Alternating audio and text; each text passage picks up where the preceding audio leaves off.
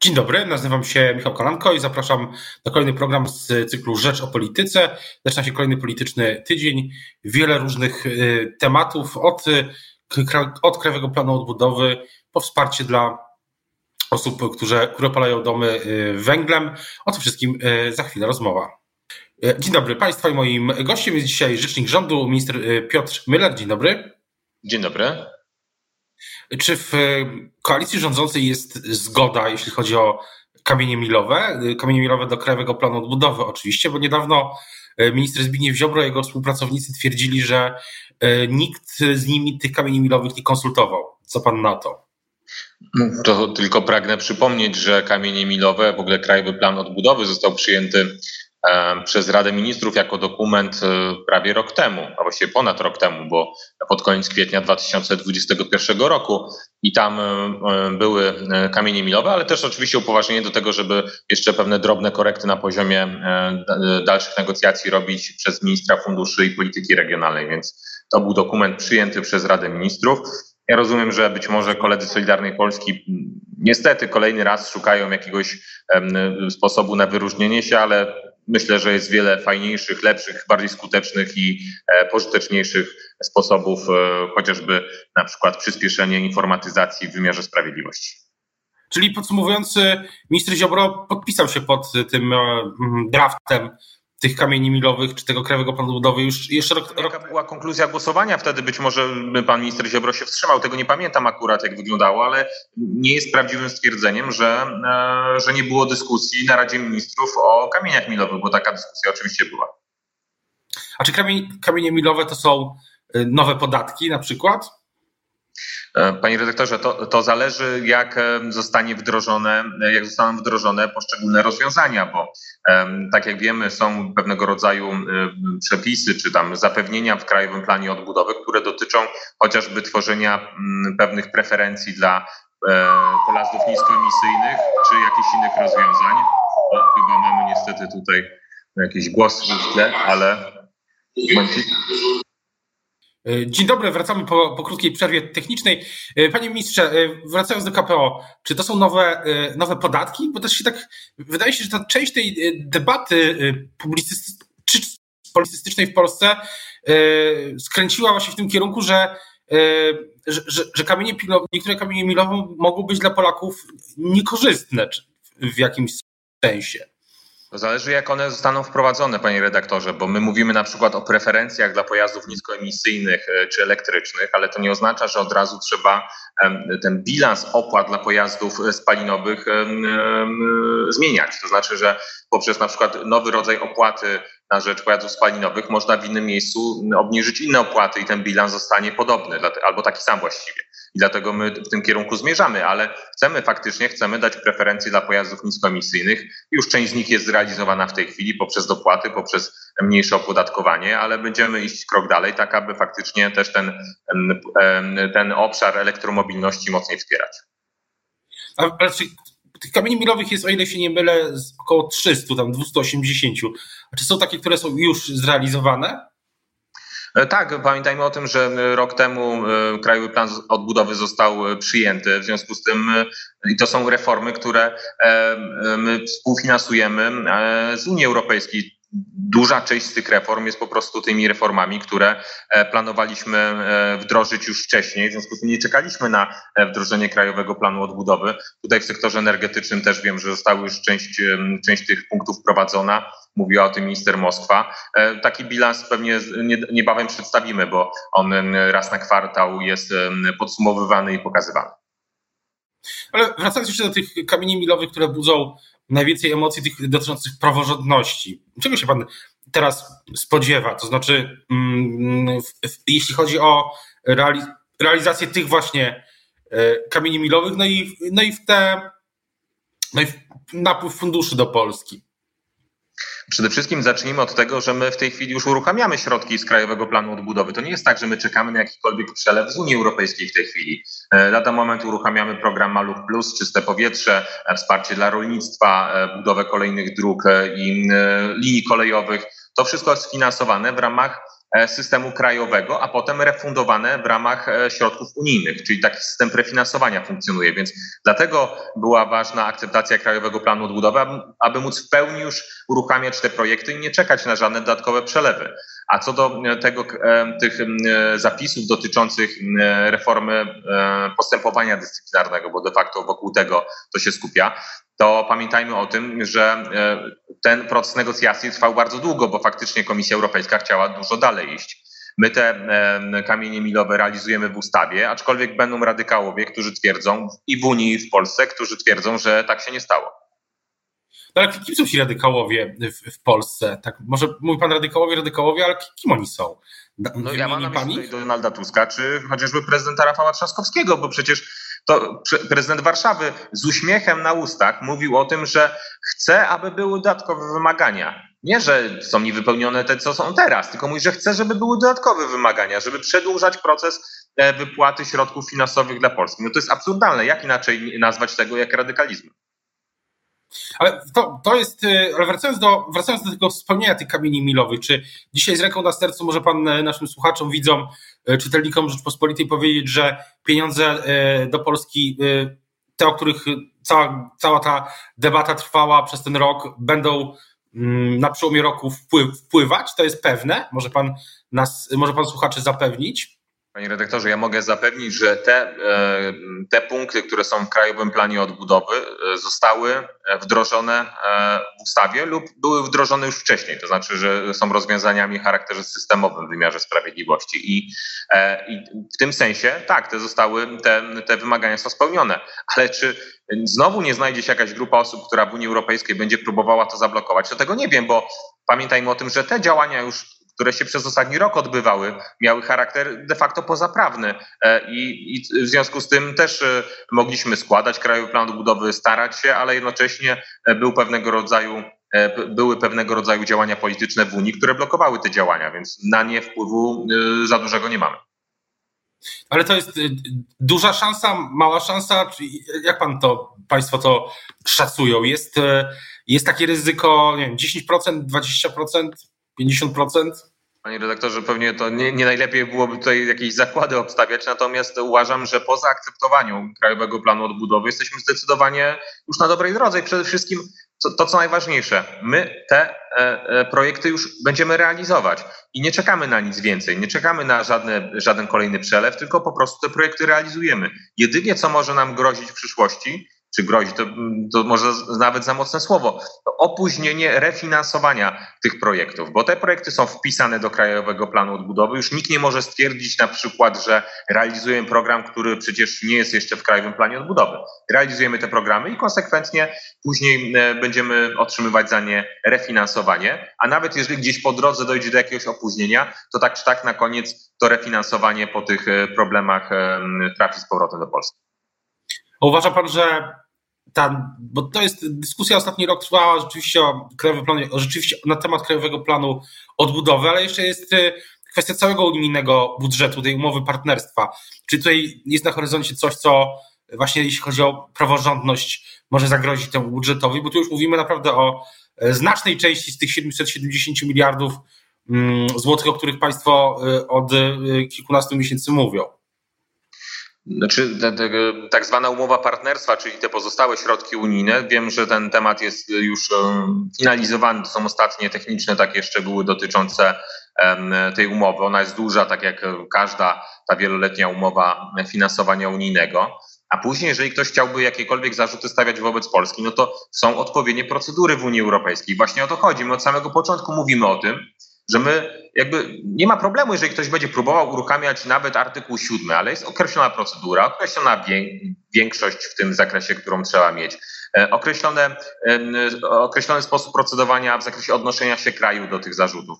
A w przypadku KPO to był taki na zasadzie widzi mi się, uważamy, że to jest niewystarczające, to nie akceptujemy. Na szczęście ten etap e, samej treści KPO mamy już za sobą. Przechodzę do innych e, tematów, ale takich też właśnie bliskich, e, bliskich e, wyborcom. Gdy się tankuje paliwa na, na stacjach, to widać, że te ceny, ceny idą w górę, już niedługo mogą być nawet dwucyfrowe. Pytanie, czy nie ma Pan poczucia, że ta tarcza antyinflacyjna zawiodła? Panie redaktorze, gdyby nie tarcza antyinflacyjna, to dzisiaj byśmy mieli na, cen, na pylonach polskich stacji benzynowych ceny powyżej, grubo powyżej 9 zł. I dlatego, że obniżyliśmy właśnie VAT na paliwo, że obniżyliśmy akcyzę, e, tak się nie dzieje. A te ceny, które w tej chwili widzimy, no niestety są wynikiem działań rosyjskich i destabilizacji rynku paliw na całym świecie. Widzimy to po cenach przecież nie tylko w Polsce, ale w całej Europie. Szukamy rozwiązań, które by mogły to korygować, ale niestety e, prawda jest taka, że to jest problem globalny i no, tutaj pole naszego działania, jeżeli chodzi na przykład o zwiększenie wydobycia, jest y, znacząco ograniczone.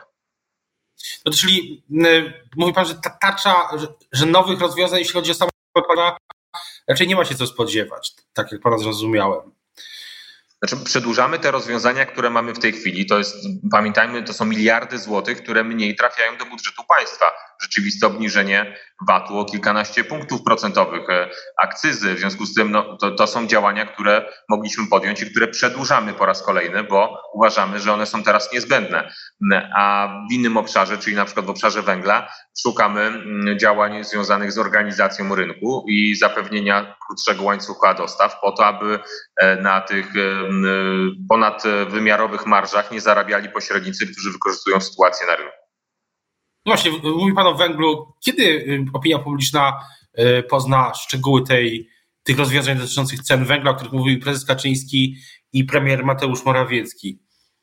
Jutro na posiedzeniu Rady Ministrów ma być e, dyskusja na ten temat. Jeżeli ten, te założenia zostaną przyjęte, to pewnie szczegóły już poznamy jutro, ale w jutrzejszym porządku Rady Ministrów jest e, kwestia właśnie związana z dyskusją o, e, o mechanizmach, które mogłyby obniżyć ceny węgla w Polsce.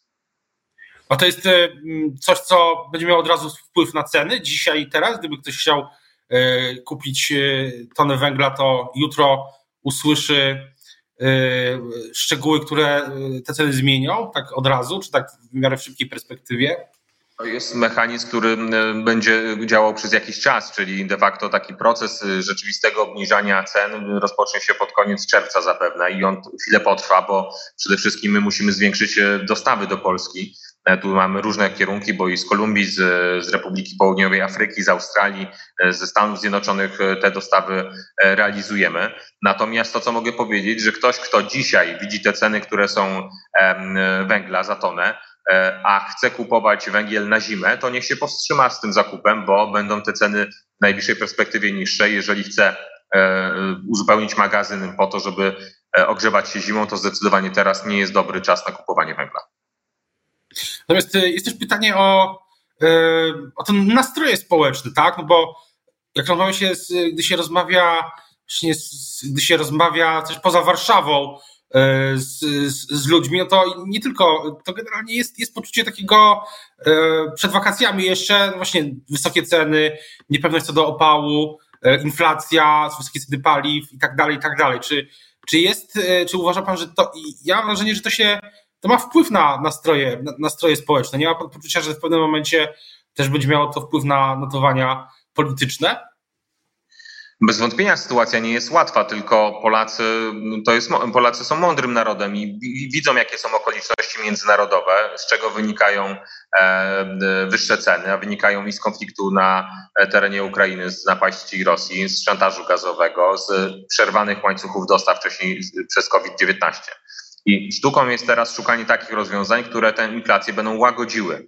Nie ma cudownego rozwiązania niestety na całkowite zdjęcie inflacji, ale są możliwe rozwiązania, które ją chłodzą i to między innymi są tarcze antyinflacyjne e, i myślę, mam nadzieję, że to jest widziane przez e, naszych rodaków, że faktycznie my szukamy sektorowych rozwiązań. Z jednej strony właśnie obniżka na benzynę e, podatków, na, na gaz, działania dotyczące dodatku osłonowego, obniżenia VAT-u na żywność z 5 do 0%. To, wszystkie, to są wszystkie działania, które w rękach ma rząd, bo część z nich po prostu jest poza e, możliwymi reakcjami ze strony Rady Ministrów.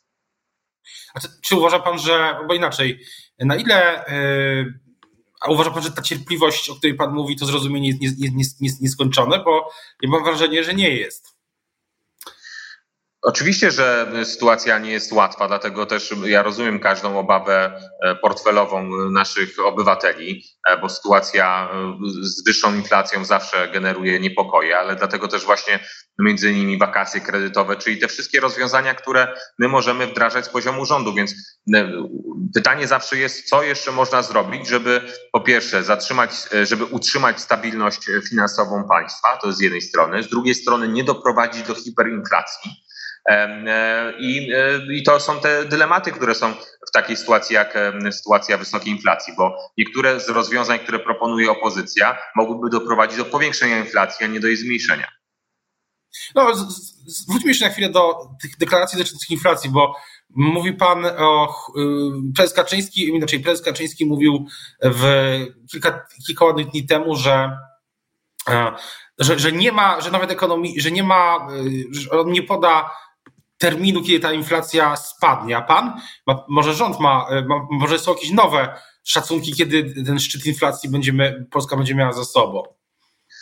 To nie jest e, łatwe pytanie i myślę, że nikt faktycznie dalekosiężnie nie jest w stanie tego powiedzieć, a to z prostej przyczyny, że my nie mamy do czynienia w tej chwili mm, z takim klasycznym cyklem koniunkturalnym, tylko z zaburzonym cyklem koniunkturalnym wynikającym z działań wojennych Rosji.